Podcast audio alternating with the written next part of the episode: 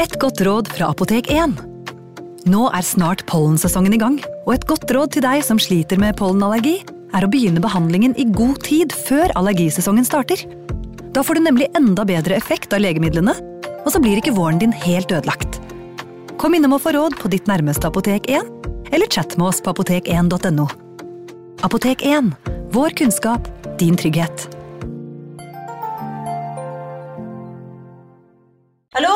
Jeg kommer fra Oslo politikammer. Ine Jansen er purk. Er du purk? The motherfucking bitch. Alt jeg vil, er å finne ut hva som skjedde med mannen min. Jon Carew. Er jeg sikta for noe? Iben Akeli. Det er du. Ole So, Lars Berrum og Big Daddy Karsten. Hvem sin side er du på, egentlig? Anette Hoff, Tone Danielsen, Kommer du fra Afrika? Jørnis Josef, Nesten. Kløfta. Trond Espen Seim, Det er synd å si det, men det var feil mann som døde. Purk.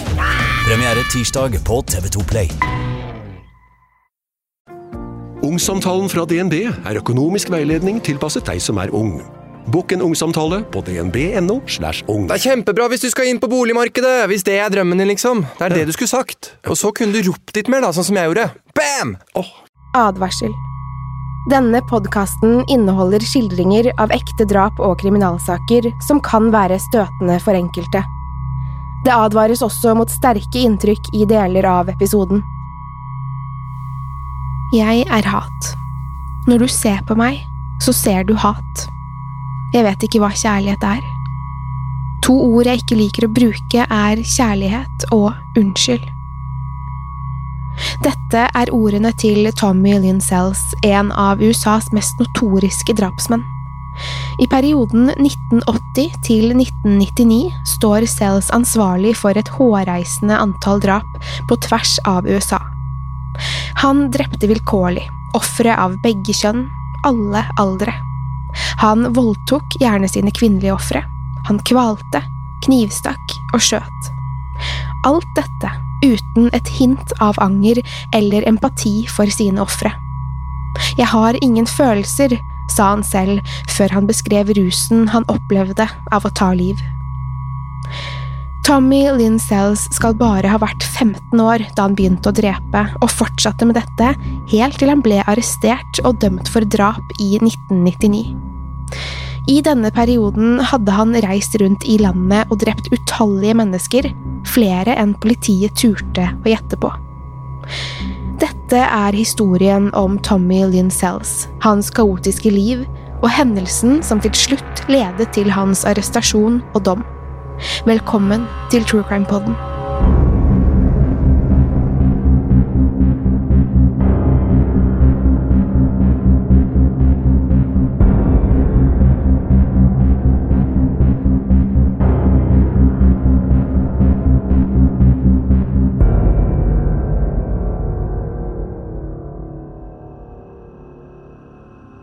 Det er natten før nyttårsaften 1999. En bil stanser utenfor hjemmet til familien Harris i et rolig boligstrøk i Del Rio, Texas. Det er stille, resten av verden sover, i påvente av inngangen til det nye millenniet, som er bare 20 timer unna.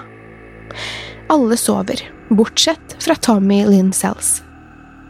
36 år gamle Tommy stiger ut av bilen. Han har skjegg og en på dette tidspunktet umoderne hockeysveis. I den ene hånden holder han en 30 cm lang kniv. Tommy har ikke endt opp her vilkårlig. Formålet med turen venter inne i huset. Han hilser på rottweileren familien har låst i et bur i hagen, og lar hunden ta inn lukten hans. Så fortsetter han rundt huset, der han forsøker å bruke kniven til å få opp låsen på døren. Når han ikke får til det, ser han seg nødt til å gjøre sin entré gjennom et vindu på forsiden av huset. Dette leder Tommy inn på soverommet til 14 år gamle Justin Harris. Justin var blind, og selv om han våknet fra alt bråket, forsto han ikke at det var en fremmed mann som hadde entret rommet hans. Justin trodde antageligvis at det var en av søstrene hans som tullet med han, og roper Kan dere slutte å komme inn på rommet mitt? Tommy sniker seg ut av rommet hans og videre gjennom huset. Det er mørkt, så Tommy bruker lyset fra lighteren sin for å se hvor han går. På et annet soverom finner han syv år gamle Mark Searles som sover alene. Han fortsetter videre og finner Crystal Harris i en seng sammen med sin tolv år gamle datter. Til slutt finner han det han var kommet for. Soverommet til 13 år gamle Kayleen Katie Harris. Hun ligger der, som han hadde håpet, fredelig nederst i en køyeseng. Tommy legger seg ned i sengen med Cathy. Hun forsøker å spørre hva han gjør der, men Tommy legger hånden over munnen hennes og viser frem den store kniven han har med seg. Han lar så kniven gli mot kroppen hennes uten å kutte henne, før han med presise bevegelser kutter av henne klærne hun har på seg. Tommy begynner så å beføle henne. Cathy klarer å vri seg fri og roper Hent mamma! Det er først nå Tommy oppdager at de ikke er alene i rommet. I øverste del av køyesengen ligger ti år gamle Crystal Searles. Tommy skrur på lyset for å få oversikt over situasjonen. Samtidig presser han kniven hardere mot Cathy. Blod begynner å renne nedover. Han griper tak i henne, presser hånden mot munnen hennes så hun ikke skal rope, og indikerer med kniven at han vil kutte henne igjen hvis hun stritter imot. Crystal sitter fremdeles i sengen og ser på. Hun ser Cathy rett i øynene idet Tommy kutter strupen hennes, først én vei, så tilbake den andre veien. Cathy faller om og forsøker å hige etter pusten, men kveles av blodmengden som strømmer ut. Tommy fortsetter å stikke Cathy med kniven, og gir seg ikke før Cathy ligger der livløs foran seg. Det er nå Tommy retter oppmerksomheten sin mot Crystal. Hun ber om nåde, forsøker å fortelle ham at hun ikke vil si noe, men Tommy lytter ikke. Han strekker seg mot henne, og kutter over strupen hennes også. Crystal ligger der livløs, men hun puster fortsatt. Crystal vet at Tommy vil angripe henne igjen hvis hun gir fra seg noen livstegn, og ligger så rolig hun klarer, forsiktig med å ikke røre en muskel eller engang puste så han kunne høre henne. Tommy skrur av lyset igjen og forlater huset gjennom inngangsdøren.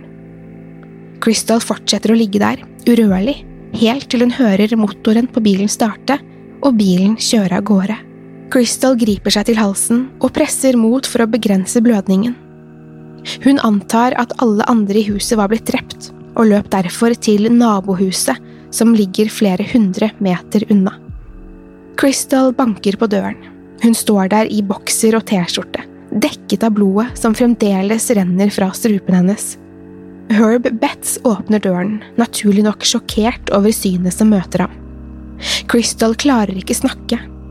Kniven har kuttet over luftrøret hennes og var bare millimeter fra å kutte hovedpulsåren. Betz forstår at jenta er i livsfare og ser desperasjonen i blikket hennes. Betz ringer umiddelbart etter en ambulanse. Mens de venter, ber Crystal om å få noe å skrive på, og skriver ut tre setninger. Familien Harris er skadet. Si at de må skynde seg. Kommer jeg til å overleve? Betts er overbevist om at Crystal vil dø av skaden, men han forsøker å oppmuntre henne. Han kysser henne på pannen og lover at alt vil bli bra igjen. Når ambulansen endelig ankommer, er Crystal i sjokk. Hun skyndes til et sykehus der hun hasteopereres, og legene jobber på spreng for å redde livet hennes. Samtidig blir Cathy Harris funnet død.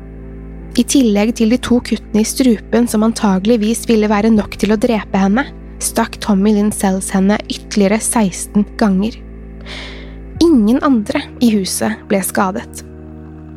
Crystal kommer til seg selv og så fort hun finner styrken, begynner hun å hjelpe politiet i søket etter gjerningsmannen. Hun gir detaljerte beskrivelser som resulterer i en fantomtegning som raskt blir sirkulert i området. Dette leder til slutt politiet i retning av Tommy Lynn Sells. Politiet arresterer Tommy, som virker forberedt på at de en dag vil komme for å anholde han. Vel, vi har vel mye å prate om, sier Tommy til en av konstablene. I de påfølgende avhørene tilstår Tommy Lynn Sells drapet på Kathy Harris så vel som angrepet på Crystal. Videre forteller Tommy åpent om livet sitt og de mange drapene han står ansvarlig for. Drap uten videre sammenheng. Familier, tenåringer, barn, omstreifere. Så mange som 20 ulike drap spredt utover hele landet. Det virket nesten som om han likte å dele disse historiene, og selv etter advokaten hans rådet han til å slutte å snakke, fortsatte Tommy å snakke videre. Til tross for at han i over 20 år hadde drept utallige mennesker uten på noe tidspunkt å bli dømt for handlingene, var Tommy Lynn Sells på ingen måte noe geni. Han ble ved flere anledninger arrestert, men dette var for andre, mindre alvorlige hendelser, og han var stort sett kjapt tilbake på gaten. Han fremsto på overflaten som en rus- og alkoholavhengig omstreifer som reiste rundt uten videre mål eller mening.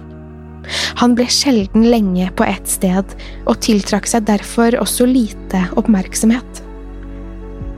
Det var denne livsstilen, hvor han reiste på tvers av USAs kyster, som tillot han å drepe fritt i denne perioden, og brakte med seg hans kallenavn The Coast to Coast Killer. Fraværet av motiv og et tydelig handlingsmønster er med på å skille Tommy Lynn Sells fra andre seriemordere. Det eksisterte ikke noe gjenkjennelig mønster i Tommys drap, og han hadde en enkel filosofi – drep og dra videre. Det er denne uforutsigbarheten som gjør han så fryktinngytende. Gleden han uttrykte for selve drapsakten, virket å være hans eneste motivasjon. Tommy beskrev selv dette som en ekstase, som han sammenligner med en narkorus. Første gangen jeg prøvde narkotika, var den beste følelsen jeg noensinne hadde hatt. Første gangen jeg drepte noen, ga det meg et lignende rush. Det var akkurat som narkotikaen, et nytt skudd hver gang jeg drepte, og jeg begynte å jage den rusen. Samtidig var det en åpenbar seksuell drivkraft i mange av drapene Tommy gjennomførte, og han misbrukte og voldtok flere av ofrene sine. Etter hvert virker dette å utvikle seg til et dominerende motiv i hans mange drap. Dette virker som hovedmotivet for overfallet av Cathy Harris, ettersom han strippet henne naken og tilnærmet seg henne i hennes egen seng åpenbart i noe som for Tommy var en seksuell kontekst. Tommy Lynn Sells ble født i Oakland, California den 28. juni 1964 og kommer til verden med en tvillingsøster, Tammy Jean. Tvillingene utviklet begge hjernehinnebetennelse da de fremdeles var små barn, og begge ble veldig syke. Denne sykdommen tar faktisk livet av Tammy, mens Tommy klarer seg. Tommy vokser opp uten å vite hvem hans biologiske far er. Mannen han i sin barndom ble fortalt var faren, forsikringsagenten William Sells, viser seg senere å ha antatt denne rollen for å tilby helseforsikring til barna. Hans biologiske far skal ha vært en mann ved navn Joe Lovins, en bruktbilselger uten videre interesse for barna sine. Moren hans, Nina Sells, skal heller aldri ha vært den mest omsorgsfulle personen i verden, og med fem andre sønner å ta seg av, sendte hun Tommy vekk for å bo med tanten sin Bonnie da han var i toårsalderen. De påfølgende årene skal ha vært den mest lykkelige perioden i Tommys liv, og han opplevde en form for stabilitet. Bonnie ble også glad i Tommy og planla å adoptere han, men da Nina hørte om dette, ble hun rasende. Hun bestemmer seg for at Tommy igjen skal bo hos henne, og nekter gutten å treffe tanten sin for all fremtid. Tommy blir av moren sin beskrevet som et uoppdragent barn, som gjorde alt han ville uansett hva han ble fortalt. Han hadde lite interesse for skole, og moren hans virket overbevist om at det var lite poeng i å tvinge han til å gjøre noe han ikke hadde interesse av. Antageligvis var denne oppførselen et resultat av morens negative innflytelse og hennes manglende omsorg for sine barn. Da Tommy var åtte år gammel, utvikler han et vennskap til en godt voksen mann som han begynner å tilbringe mer tid sammen med. Tommy setter åpenbart pris på oppmerksomheten, antageligvis glad for å ha et mannlig forbilde i livet sitt. Mannen gir Tommy ulike gaver og vinner tilliten hans, før Tommy etter hvert også begynner å tilbringe nettene hos mannen. Denne mannen ble senere avslørt som en pedofil overgrepsmann som hadde utnyttet flere unge gutter i lokalmiljøet. Dette må naturligvis ha vært en svært traumatisk opplevelse for Tommy, og forsterket hans allerede voksne mistillit til menneskeheten. For å forsøke å døyve smertene fra den triste virkeligheten, begynner Tommy tidlig å drikke. Allerede i syvårsalderen skal han ha begynt å drikke alkohol, og som tiåring hadde han gått over til marihuana. Samtidig blir konsekvensene av oppveksten åpenbar når han viser mer og mer bekymringsverdig oppførsel. Da Tommy var 13 år, forsøkte han å voldta sin egen mor, som medfører at han blir psykiatrisk evaluert. Tommy får likevel aldri den hjelpen han behøver, og forlater hjemmet sitt som 14-åring og setter ut i verden uten mål eller mening. De neste årene handler bare om å overleve for Tommy, som ikke skyr noen midler for å gjøre dette. De neste 20 årene reiser Tommy rundt i landet. Han haiker, hopper på godstog, stjeler biler, hva enn som skal til for å komme seg til neste destinasjon. Kriminalitet var hans primære inntektskilde, men han plukket også opp ulike småjobber på veien, men blir aldri lenge på ett sted. På et tidspunkt jobbet han på et omreisende karneval i Montana, hvor han en kveld i 1985 møter Ina Court. Ina var en 35 år gammel kvinne som tilbrakte denne kvelden på karnevalet sammen med sin fire år gamle sønn. Tommy fortalte at Ina hadde invitert han med seg hjem den kvelden hvor de hadde sex. Da Tommy oppdaget at Ina forsøkte å stjele fra ryggsekken hans, skal han ha plukket opp et balltre og slått inn hodet hennes. Han skal så ha drept Inas fire år gamle sønn for å forsikre seg om at han ikke etterlot vitner. Det er selvfølgelig umulig å vite om Tommys historie forteller den fulle sannheten, men det er uansett ingen tvil om at Tommy endte opp i Ina Courts hjem den kvelden og tok livet av både henne og sønnen. Innen likene ble oppdaget, hadde Tommy Lynn Sells for lengst forlatt byen. Uten annen tilknytning til ofrene ble det ikke rettet noen mistanke mot Tommy, og drapene gikk uløst i en årrekke. Etter å ha blitt arrestert for drapet på Cathy Harris, drar igjen Tommy fra stat til stat, denne gangen ledet an av politietterforskere, mens de forsøker å rekonstruere de mange drapene han påsto å stå ansvarlig for. Mange av Tommy Lincells drap skal ha foregått på slutten av 80-tallet, og han skal ha drept minimum tolv mennesker på tvers av syv stater i perioden 1987 til 1989. På overflaten kan man se likheter med Tommy Lynn Sells og Henry Lee Lucas, som også påsto å være ansvarlig for en rekke drap, med lignende vilkårlig handlingsmønster. Da det ble klart at Lucas i stor grad hadde løyet om omfanget av sine drap, var etterforskerne forsiktige med å ikke ta alle Tommy Lynn Sells påstander for god fisk. De var nøye med å sjekke alle faktaene i tilståelsen hans. I likhet med Lucas tok Tommy æren for flere drap enn hva politiet kunne bekrefte, men det var samtidig utenfor noen tvil at Tommy Lynn Sells hadde mange menneskeliv på samvittigheten. For å unngå en rekke falske tilståelser er etterforskerne forsiktige med å ikke mate Sells med informasjonen, slik det ble gjort med Henry Lee Lucas.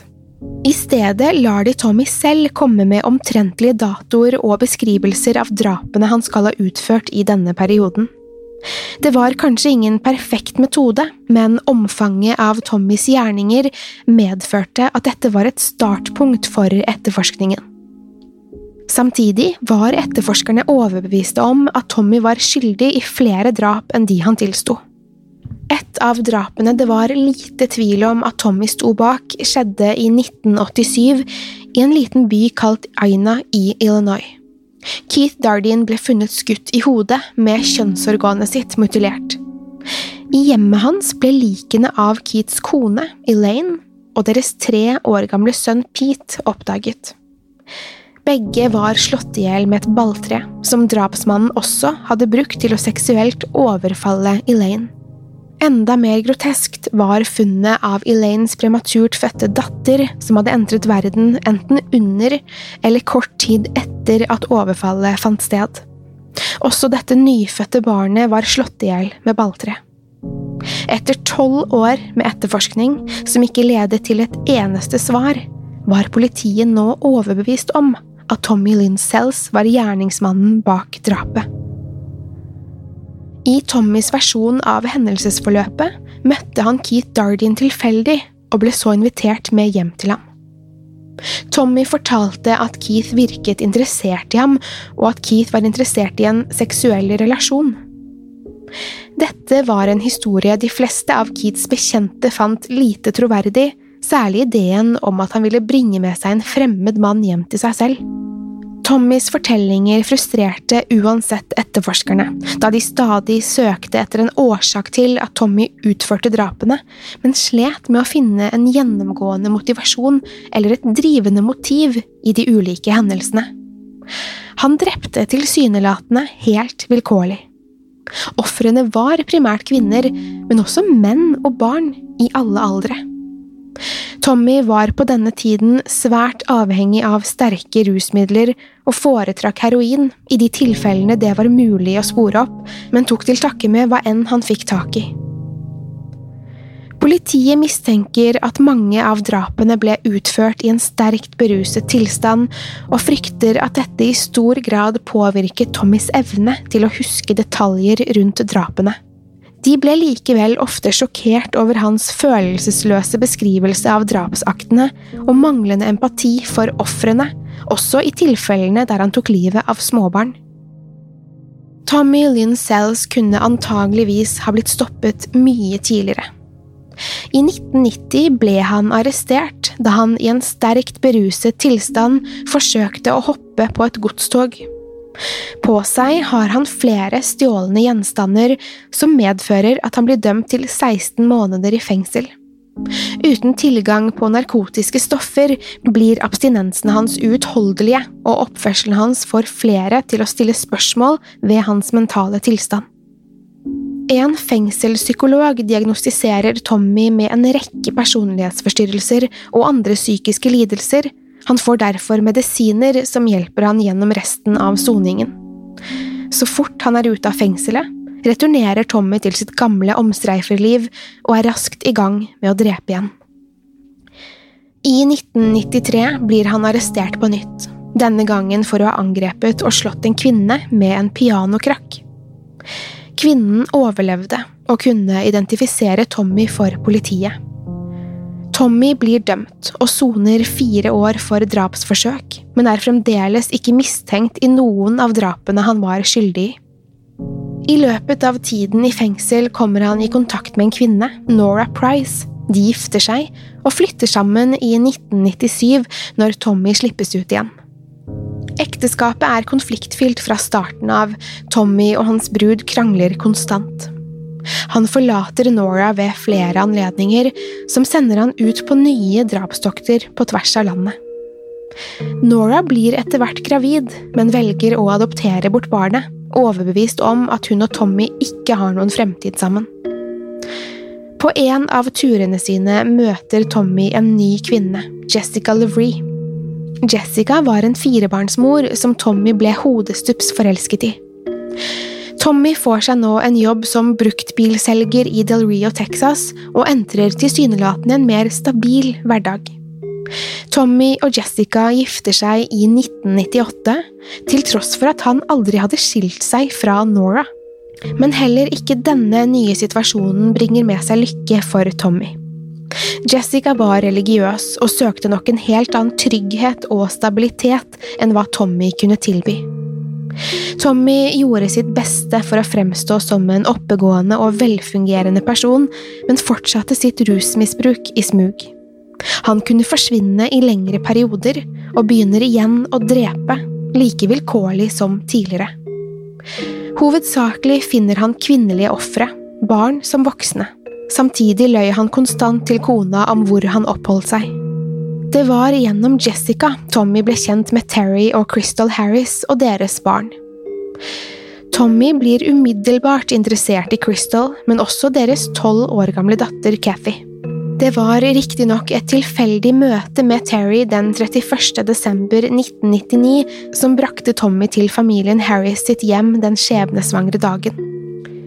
Terry var på vei til Kansas sammen med Pam Searles, moren til Crystal og Mark Searles, som var i prosessen av å flytte til Del Rio.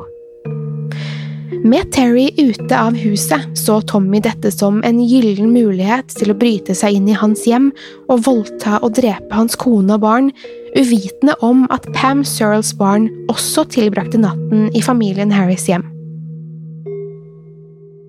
Tommy Lynn Sells blir stilt for retten i september 2000. Her er han nesten ugjenkjennelig. Med striglet hår, briller og en blå dress bærer han nesten ingen likhet med den rufsete, morderiske omstreiferen han var blitt kjent som. I løpet av rettssaken kommer sannheten om Tommy Lynn Sells gjerninger frem. Igjen står Tommy ovenfor Crystal Searles, den unge jenta som overlevde Tommys brutale drapsforsøk. Arret langs halsen hennes er fremdeles rødt, et synlig bevis på Tommys hensynsløse og brutale gjerninger. Crystal viser ingen frykt i møte med mannen som var ansvarlig for det mest traumatiske øyeblikket i livet hennes, og snakker rolig mens hun identifiserer Tommy som mannen som drepte Cathy Harris, og forsøkte å gjøre det samme med henne. I løpet av en time har juryen avgjort Tommys skjebne. Han mottar dødsdommen og ble den 3. april 2014 henrettet med giftsprøyte. Han forlot denne verden uten noen siste ord. Dommen ga familien Harris en liten opptur i en ellers bekmørk tilværelse. Tommy Lynn Sells hadde ødelagt livene deres, i likhet med de mangfoldige andre livene hans gjerninger hadde destruert. Tommy var selv misfornøyd med hvordan rettssaken hadde forløpt seg, da han mente jurymedlemmene hadde blitt manipulert av aktoratet, som viste dem bilder av Cathy Harris' lik. Han mente at de spilte på empati fremfor å dømme han med konkrete bevis. Dette medførte at Tommy inntok en mer tilbakeholden innstilling ovenfor politietterforskerne, og ledet til at han sluttet å samarbeide med dem i sammenheng med andre mulige drap, og oppga kun informasjon i de tilfellene han følte at det kunne gi han konkrete fordeler eller belønninger. Politiet fikk kanskje aldri full oversikt over Tommy Linsells mange drap, de antok at han var skyldig i minst 22 drap, men fryktet samtidig at tallet kunne være betraktelig høyere.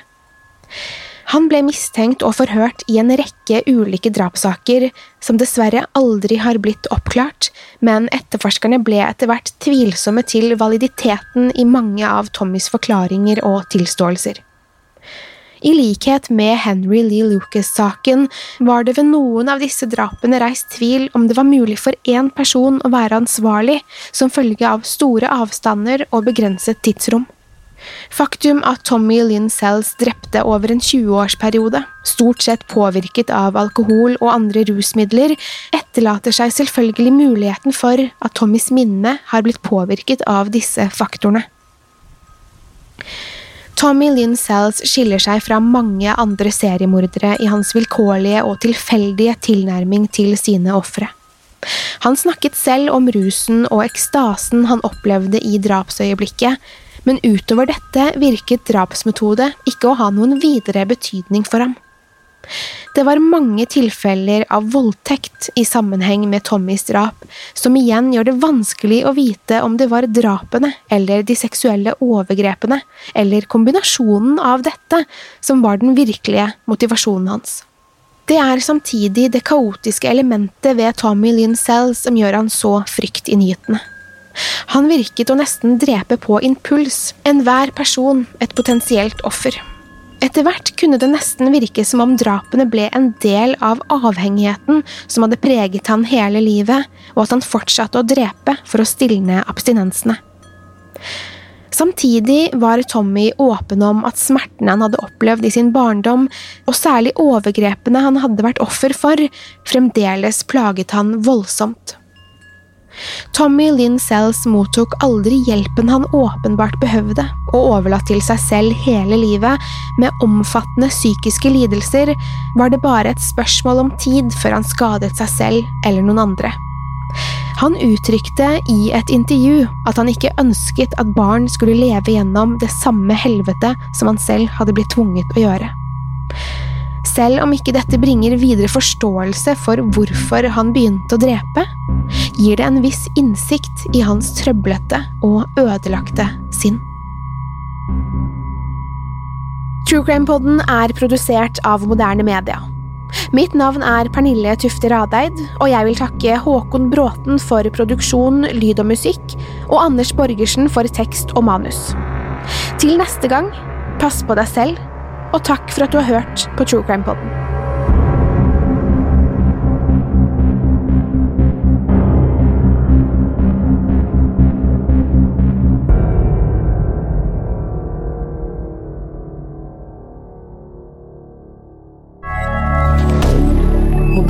moderne. Har du et enkeltpersonforetak eller en liten bedrift? Da er du sikkert lei av å høre meg snakke om hvor enkelt det er med kvitteringer og bilag i fiken, så vi eh, gir oss her, vi. Fordi vi liker enkelt. Fiken superenkelt regnskap. Hei! Takk for at du lytter til True Crime Podden. Skulle du ønske at du kunne høre en ny episode av denne podkasten hver eneste uke? Vel, da er det bare å laste ned podkastappen Untold med en gang.